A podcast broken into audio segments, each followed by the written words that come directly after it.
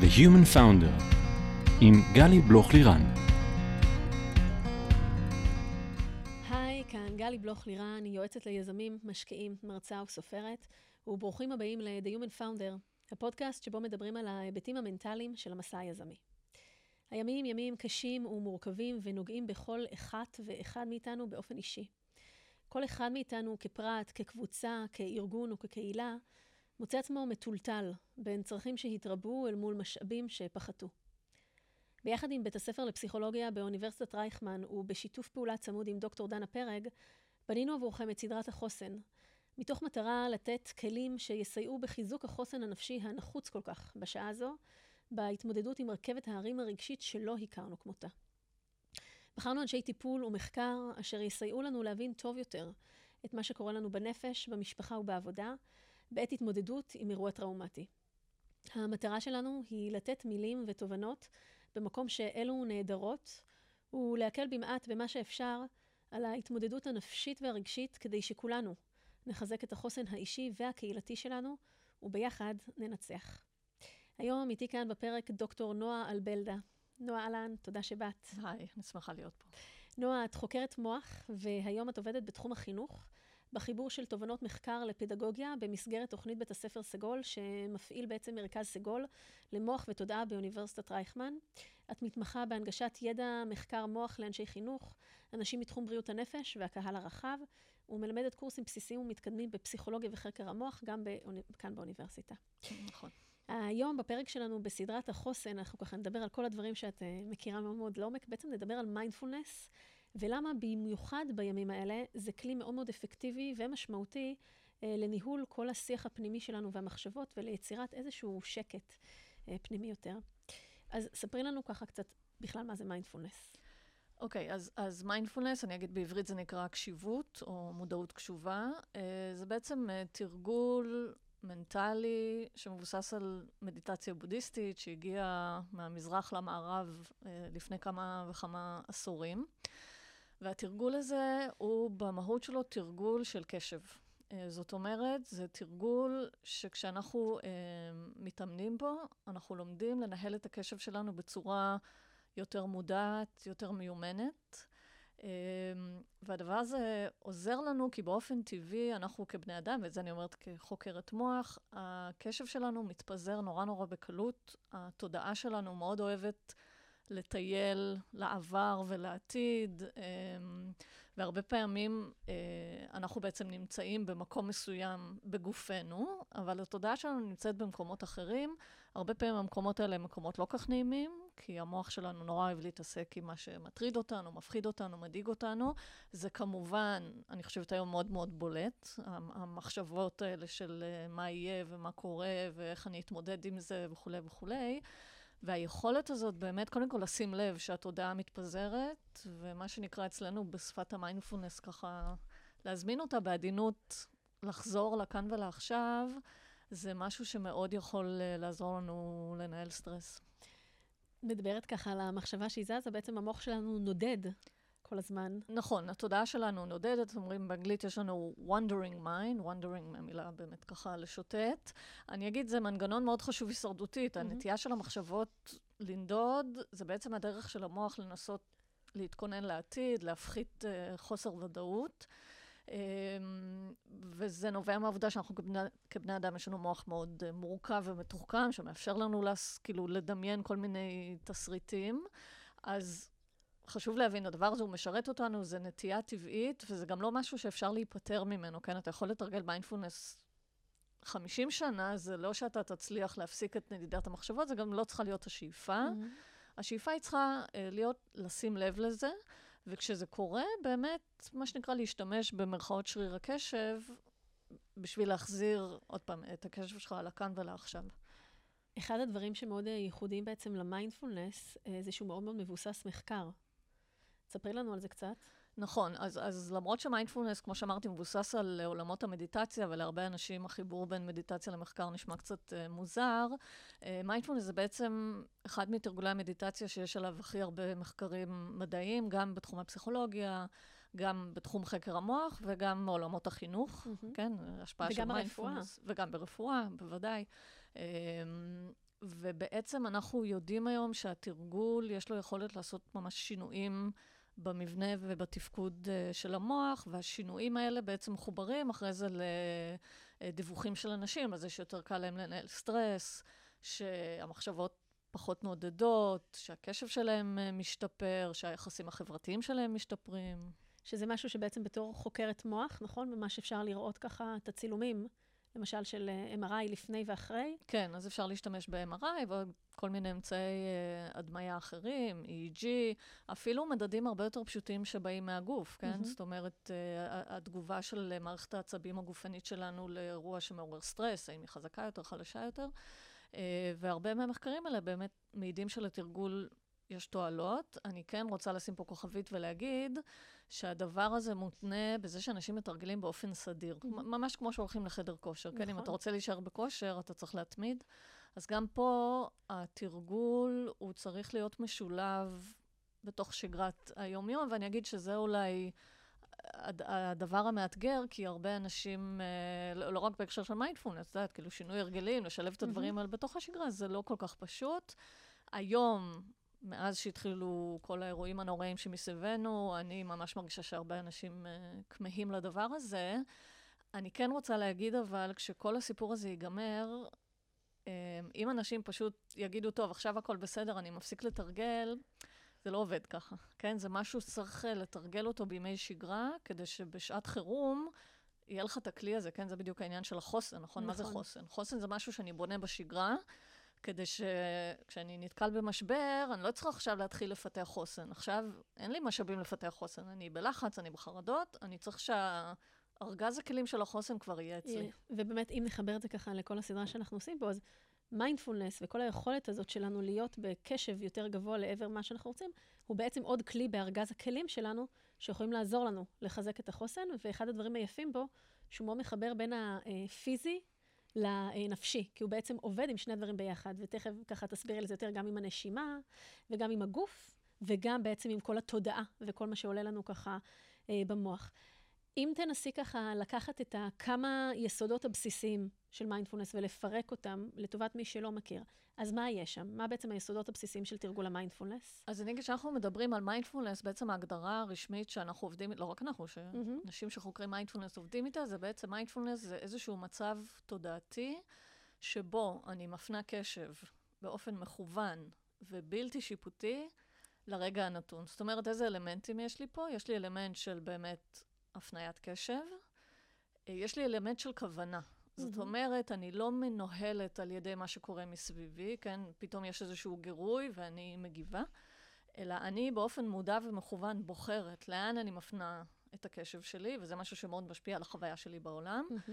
יש את האלמנט של החוסר שיפוטיות, שזה אלמנט שהוא מאוד מאוד אה, חשוב, היכולת בעצם לקבל את מה שקורה, גם אם הוא לא נעים, גם אם הוא מפחיד, גם אם הוא כואב, גם אם הוא עושה לי לא טוב בגוף. אמ, ולרגע הנוכחי זה בעצם מה שהתחלנו איתו את השיח, שזה אומר להיות באמת אה, בכאן ובעכשיו. ופה אני אגיד שהגוף אה, במיינדפולנס תופס אה, מקום מאוד חשוב, כי הגוף הוא תמיד כאן ועכשיו. המחשבות יכולות לנדוד לאלף מקומות. הגוף שלי תמיד בהווה. ובעצם הגוף הוא אחד הכלים הכי חשובים שיש לנו בשביל לעשות פעולה שאנחנו קוראים לה אצלנו התעגנות, מהמילה עוגן. Mm-hmm. זאת אומרת שאני מרגישה שאני בהצפה רגשית. כשאני מרגישה שהמוח שלי מכניס אותי למעגלי מחשבה שהם לא עוזרים לי, בסדר? זה שאני דואגת שוב ושוב ושוב ושוב, זה, זה לא בהכרח מקדם אותי לפתרון של הבעיה.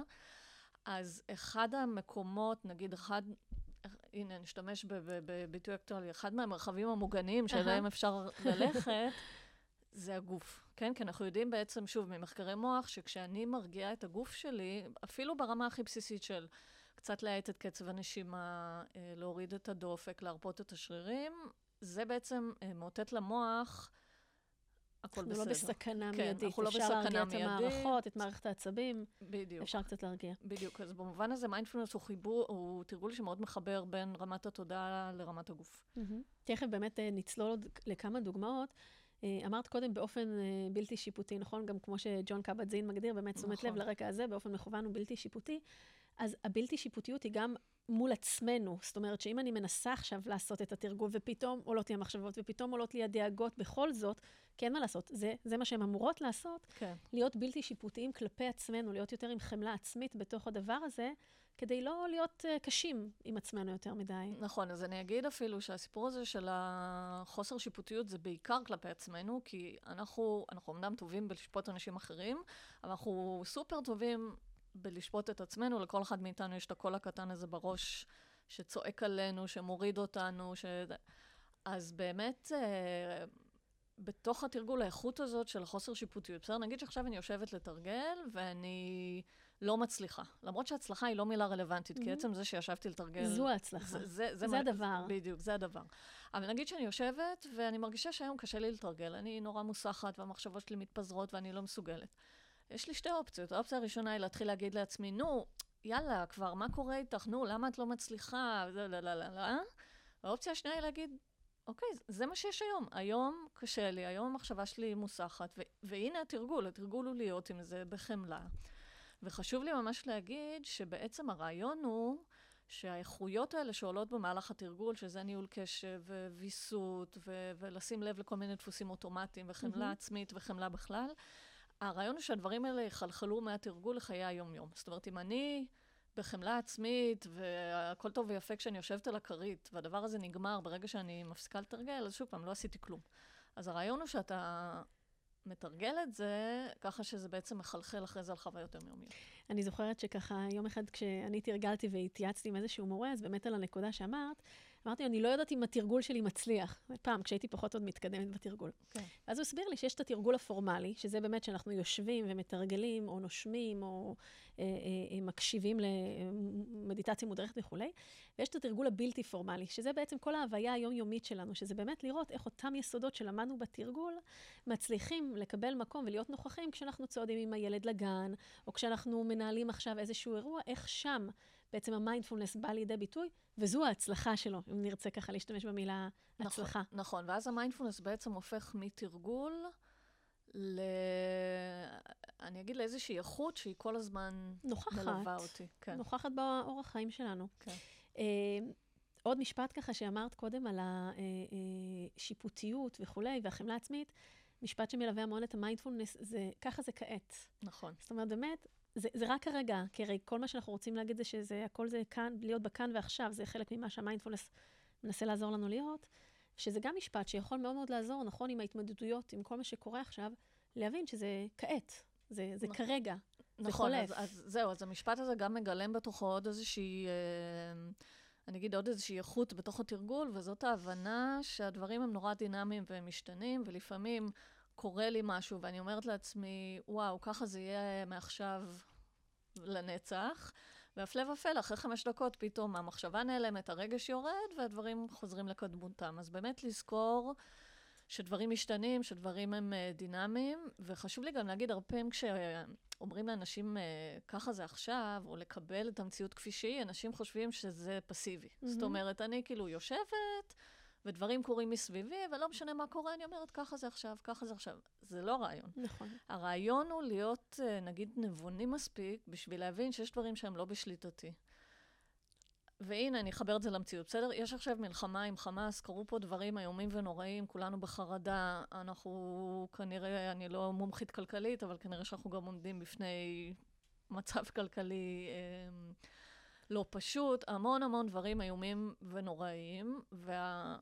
התודעה שלי כל הזמן אומרת, אני לא רוצה שזה יהיה עכשיו, אני לא רוצה שתהיה מלחמה עם חמאס, אני לא רוצה שיהיה מיתון כלכלי, אני לא רוצה שיפלו עליי טילים. עכשיו, אני יכולה להמשיך להילחם עם המציאות, וזה גורם לי סבל. או אני יכולה להגיד, אוקיי, זה מה שיש עכשיו, אז אני מקבלת את החוויה הזאת, יחד עם החרדות והדאגות והדברים הלא נעימים שאני מרגישה בגוף, ובמקביל, אני גם יכולה לחשוב מה אני יכולה לעשות כדי להתנהל בצורה טובה בתוך המציאות הזאת, או לשנות אותה במעט, לתרום, להתנדב. שזו האקטיביות בעצם, כן, שמכניסים כן. פנימה. בדיוק. Uh, עוד משהו שככה מלווה במיינדפולנס, ואני חושבת שגם יכול לסייע לנו עכשיו, זה, uh, זה הנושא של סקרנות. זה איך ככה, למשל, כשאנחנו מתרגלים, ופתאום עולות לנו מחשבות, אז אפרופו מתוך המקום הבלתי שיפוטי, לנסות להגיע אליהם uh, בצורה סקרנית יותר.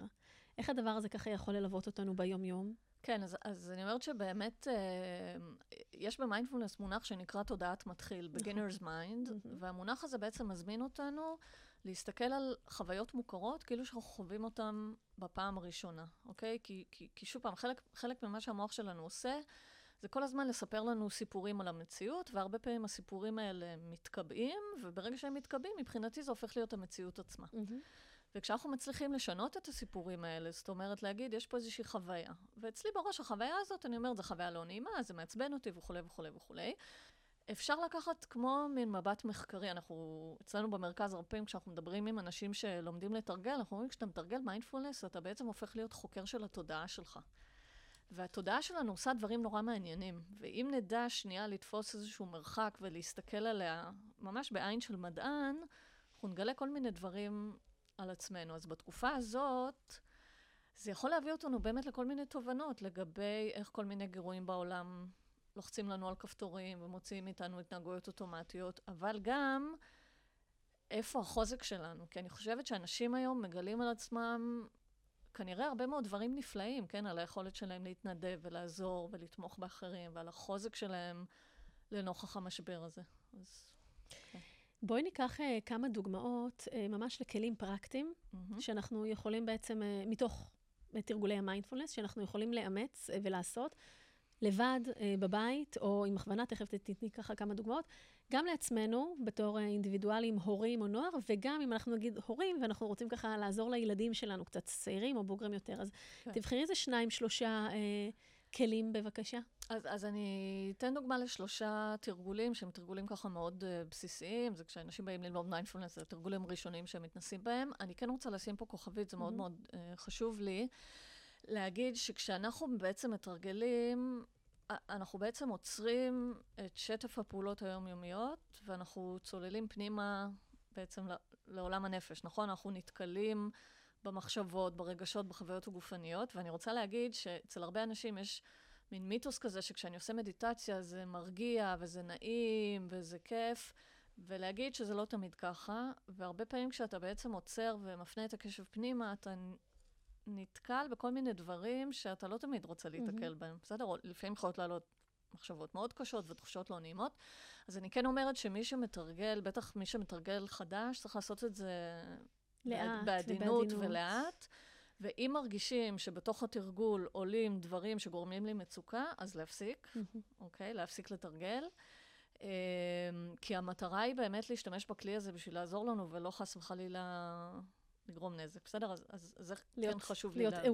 aware כן, לזה, להיות להיות- aware, וזה בסדר. אם מרגישים שהדבר הזה מעלה דברים שכרגע אני לא מסוגל להתמודד איתם, אז לא. אז נכון, לא בכוח, לא אפרופו, בכוח, לא ממש לא בכוח. בכוח. אוקיי. אז אם אתן- עברנו את המשוכה הזו, כן, אז תני לנו איזה שניים, שלושה אז- כלים ככה. אז דוגמה לשלושה תרגולים. אז התרגול הראשון הוא תרגול שנקרא קשב לנשימה, או תשומת לב לנשימה. וזה תרגול שבו, אה, שוב, תרגול פורמלי, אנחנו יושבים או שוכבים בתנוחה שהיא מצד אחד נוחה, אבל אה, לא גורמת לנו להירדם. להירדם. כן, אז נגיד אם יושבים בכיסא, אז לשבת עם גב זקוף וכולי.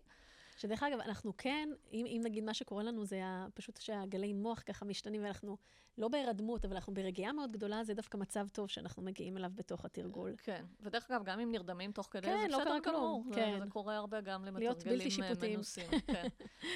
אז קשב לנשימה. אז קשב, אז שוב, אנחנו מוצאים איזושהי תנוחה שהיא נוחה, נעימה לנו בגוף, ואנחנו בעצם מפנים את הקשב לפעולת הנשימה. עכשיו, הרבה פעמים אומרים לאנשים לעצום עיניים, לא חייבים. מי שזה עוזר לו, מצוין. מי ש... לפעמים כשעוצמים עיניים, שוב, זה, זה עושה קצת לא נעים, אז ממש ממש לא חייבים. אמ, מפנים את הקשב לגוף, מחפשים את המקום בגוף שבו הנשימה היא הכי בולטת, כן? אז זה יכול להיות אצל חלק מהאנשים באזור של החזה, אצל חלק מהאנשים באזור של הבטן, אצל חלק מהאנשים באזור של הנחיריים, שהאוויר נכנס ויוצא. בוחרים את הנקודה הזאת, זה בעצם העוגן שלנו, ומפנים את הקשב וממש שמים לב לתחושות שעולות תוך כדי הנשימה, וחשוב לי להגיד, נושמים כרגיל, לא מתחילים אה, לנשום באופן מלאכותי. מהמם. נושמים כרגיל, בצורה טבעית. התרגיל הזה, המטרה שלו היא לא לתקן את הנשימה, לסדר את הנשימה, אלא לקבל אותה כפי שהיא. זה בדיוק העניין של, באמת, אמרת, הסקרנות והקבלה הבלתי שיפוטית. אמ, ומה שבדרך כלל קורה זה שתוך כמה שניות, כמובן, המחשבות אה, מתחילות לנדוד, ואולי הקשב שלי פתאום עובר מהנשימה לזה שקצת כואב לי הגב, או קצת כואבת לי הרגל. אנחנו שמים לב לזה. זה הרגע של המיינדפולנס, בדיוק. כן? לשים לב. שהקשב ברח, ובעדינות מחזירים אותו לגוף. בעדינות במובן בלי שיפוטיות, כן? ולא לעשות דברים כאילו בכוח, לא להילחם.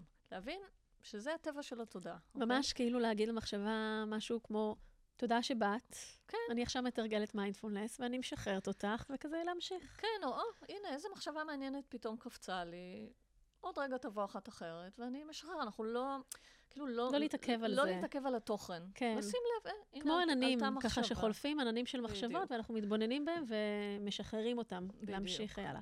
בדיוק. אז זה תרגול קשב לנשימה. דרך אגב, רק לחדד, אה, כשאמרת את זה, אז נגיד אנחנו בוחרים איבר ואנחנו מנסים לנשום אליו, זאת אומרת, למקד את הנשימה סביב האיבר הזה, לא, או לא לא, בהכרח? אנחנו נושמים כרגיל. כרגיל? הקשב הוא זה שהולך למקום, שבו התחושה בעצם איך היא, אוקיי. איך היא בולטת. כמה זמן מומלץ, נגיד, לתרגל את זה? תראי, זה, אפשר לתרגל את זה שלוש דקות ואפשר לתרגל את זה שעה. אני אגיד לך היום ממחקרי מוח, אנחנו יודעים שגם מה שנקרא מיקרו-תרגולים, זאת אומרת, מהמם. תרגולים מאוד קצרים של כמה דקות אה, יכולים לעזור. אני אומרת שוב פעם, מי שרק עכשיו מתחיל, לא ישר לאט. לצלול לתרגול של 20 דקות, כי זה, זה רק מתסכל, אנחנו לא רוצים לייצר חוויות נכון. של תסכול, אז להתחיל אפילו שלוש דקות, חמש דקות, זה ממש ועוד משהו חשוב בעת הזו, שהיא כל כך באמת חסרת ודאות והיא מורכבת, ואנחנו מאוד עסוקים בכל מיני סוגים של דברים, אז כמו שאמרת, אפילו למצוא את השלוש-ארבע דקות כמה פעמים ביום, זה מאוד מאוד משמעותי ואפקטיבי. לא חייבים עכשיו שיהיה לנו חצי שעה שלמה. נכון. לדבר ו- הזה. ולא צריך לנסוע לריטריט של שלושה לא חודשים. לגנוב במרכאות את הזמנים הקטנים שיש כן. ולהשקיע אותם. לייצר מה שנקרא אצלנו בתוכנית החינוכית, אנחנו אומרים לבית ספר, תחשבו איך מייצרים למורים מרחבי נשימה. מרחבי. שזה בדיוק אותן כן. שלוש-ארבע דקות שמורה יכול רגע לעצור מהשטף שקורה בבית ספר, מעולה. להתאגן. קחי אותנו לעוד תרגיל. התרגול השני גם תרגול מבוסס גוף, תרגול שנקרא סריקת גוף, מהמם. וזה תרגול שהוא מאוד דומה לתרגול של הנשימה, רק שהפעם הקשב שלי לא מופנה לנשימה, אלא הוא מופנה בעצם אה, לאזורים שונים בגוף, כשאני בעצם, למה זה נקרא סריקת גוף? כי אני סורקת עם הקשב שלי את כל הגוף באופן שיטתי. אפשר להתחיל מהקודקוד ולרדת לכפות הרגליים, או להתחיל מכפות הרגליים ולעלות לקודקוד, ואני פשוט ככה, אה, שוב, מפנה את הקשב, נגיד שאני מתחילה מהרגליים, אני מפנה את הקשב לכפות הרגליים, אני שמה לב לתחושות שעולות שם. עוד פעם, אני לא מנסה לתקן, אני לא מנסה לסדר, אני לא מנסה לשנות. מה רק שיש, זה מתבוננת. מה שיש, אני מתבוננת. ולאט לאט אני מטפסת ואני עוברת מכפות הרגליים, לשוקיים, לירכיים, לבטן, לחזה, לפנים, לקודקוד. אפשר לעשות את זה ברזולוציה גדולה יחסית. מי שמומחה בזה, את יכולה ממש להגיע לרזולוציה של בואו נפנה עכשיו את הקשב לאצבע. ציפורן הקטנה כן, שלה. לציפורן הקטנה. אוקיי, זה, כן. זה באמת העניין של המיומנות. מהמם. אה, וגם זה, זה מתרגל אותנו לנהל את הקשב, אה, להישאר לפעמים דברים שהם לא נעימים כל כך, כי אם פתאום Mhm. כואב לי באיזשהו מקום, הנטייה הטבעית שלי זה לברוח מזה. מהמם. עכשיו, לפעמים לברוח זה התגובה הנכונה, אבל לפעמים אי אפשר לברוח, ואז צריך ללמוד להתמודד. להכיל, כן. כן? אה, אז זה עוד אה, תרגול, וגם זה תרגול שאפשר לעשות אותו חמש דקות, ואפשר לעשות אותו Mhm. שעה, כל. אחד כן. לבחירתו. ועוד תרגול? התרגול האחרון זה תרגול אה, של מחשבות, בסדר? Mhm. זה פחות... זה בגוף. פחות, פחות בגוף, זאת אומרת, כל דבר הוא בסופו של דבר כן. בגוף, אבל זה תרגול שמתמקד יותר, נגיד, ברמה של התודעה. וזה בעצם תרגול שמתחבר לתיאור שנתת קודם, שמחשבות הן כמו עננים, Mhm. שאתה בעצם לומד, שוב פעם, קצת לצאת מחוץ.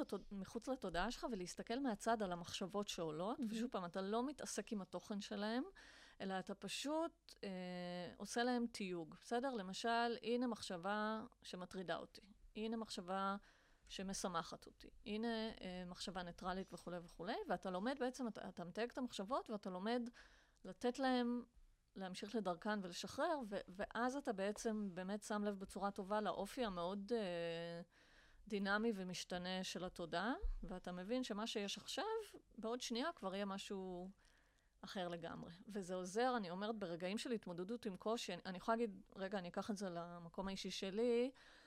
אני לפני כמה חודשים חוויתי איזושהי חוויה של אובדן, זה היה משהו מאוד בלתי צפוי. אה, היה לי מאוד מאוד קשה להתמודד עם זה, וזה זה גם הפתיע אותי, העוצמות שזה התעורר, ואני הרגשתי ממש מפורקת מהדבר הזה. ואמרתי לעצמי, זהו, ככה זה עכשיו יהיה.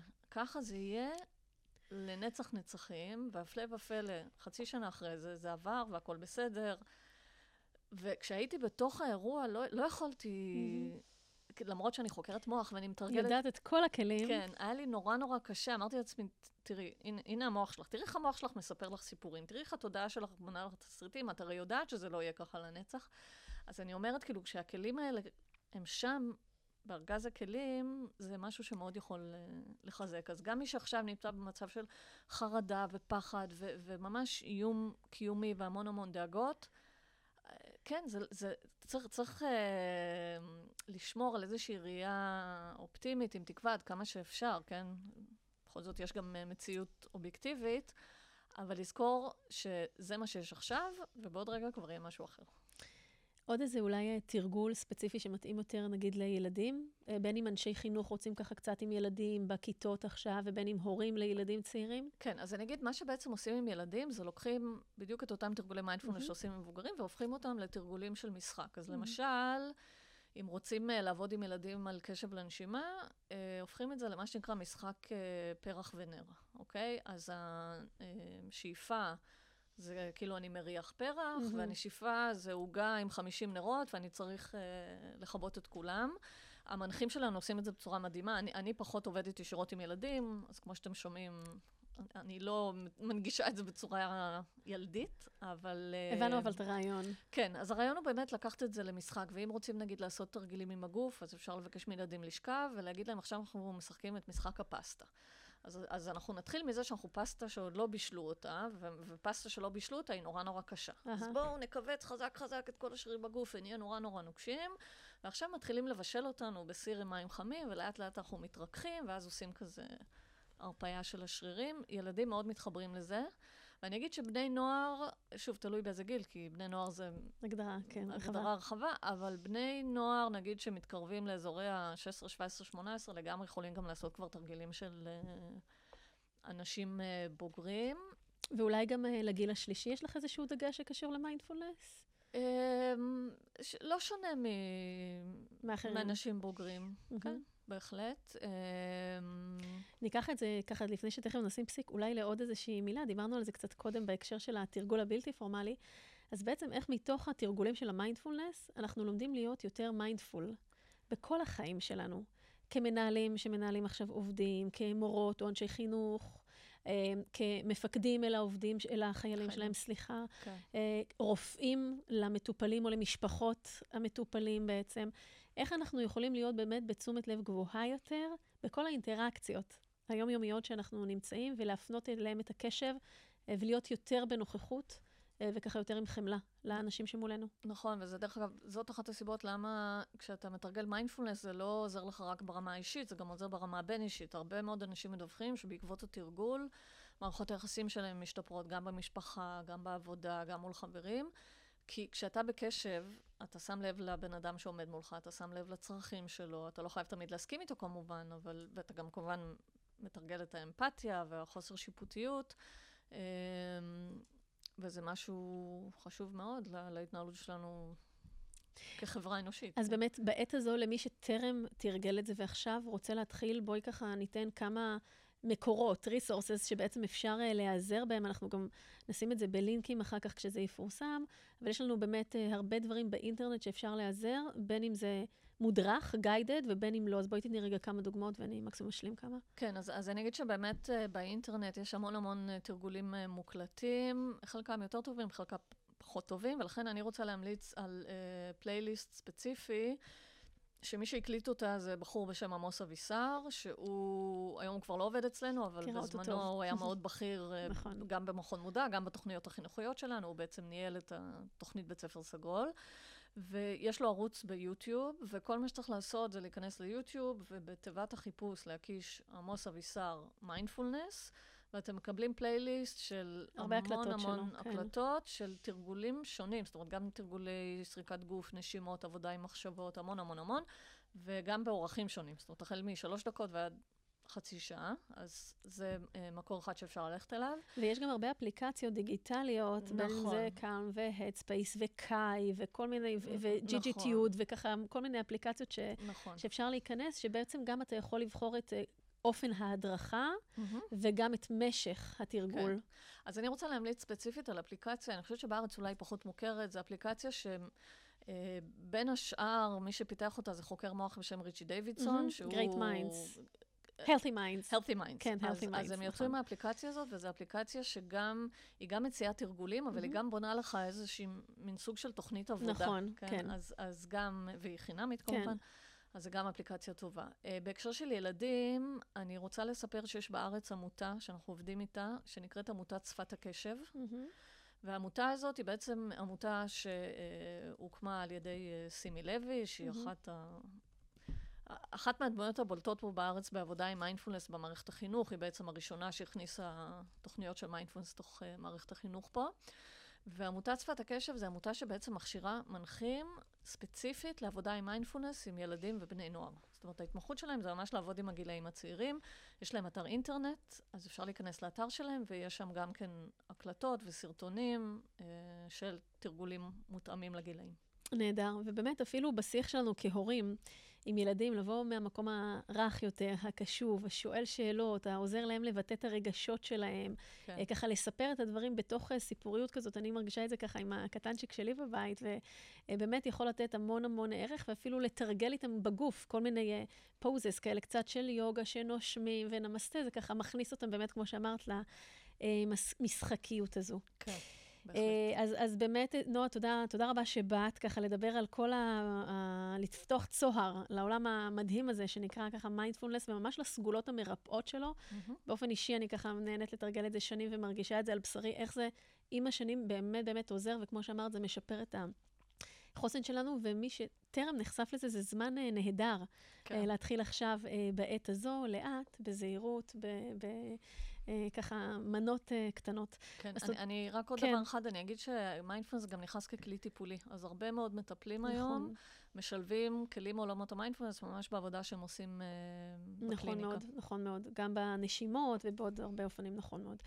תודה שבאת, דוקטור נואל בלדה, תודה לכם שהאזנתם, תודה לכל האוניברסיטה, לבית הספר לפסיכולוגיה, לאוניברסיטת רייכמן ולצוותים שלנו שתמכו בהרמת הפרויקט החשוב הזה. אני גלי בלוך לירן, תודה שהאזנתם ל-The Human Founder. נשים פסיק וניפגש בפרק הבא.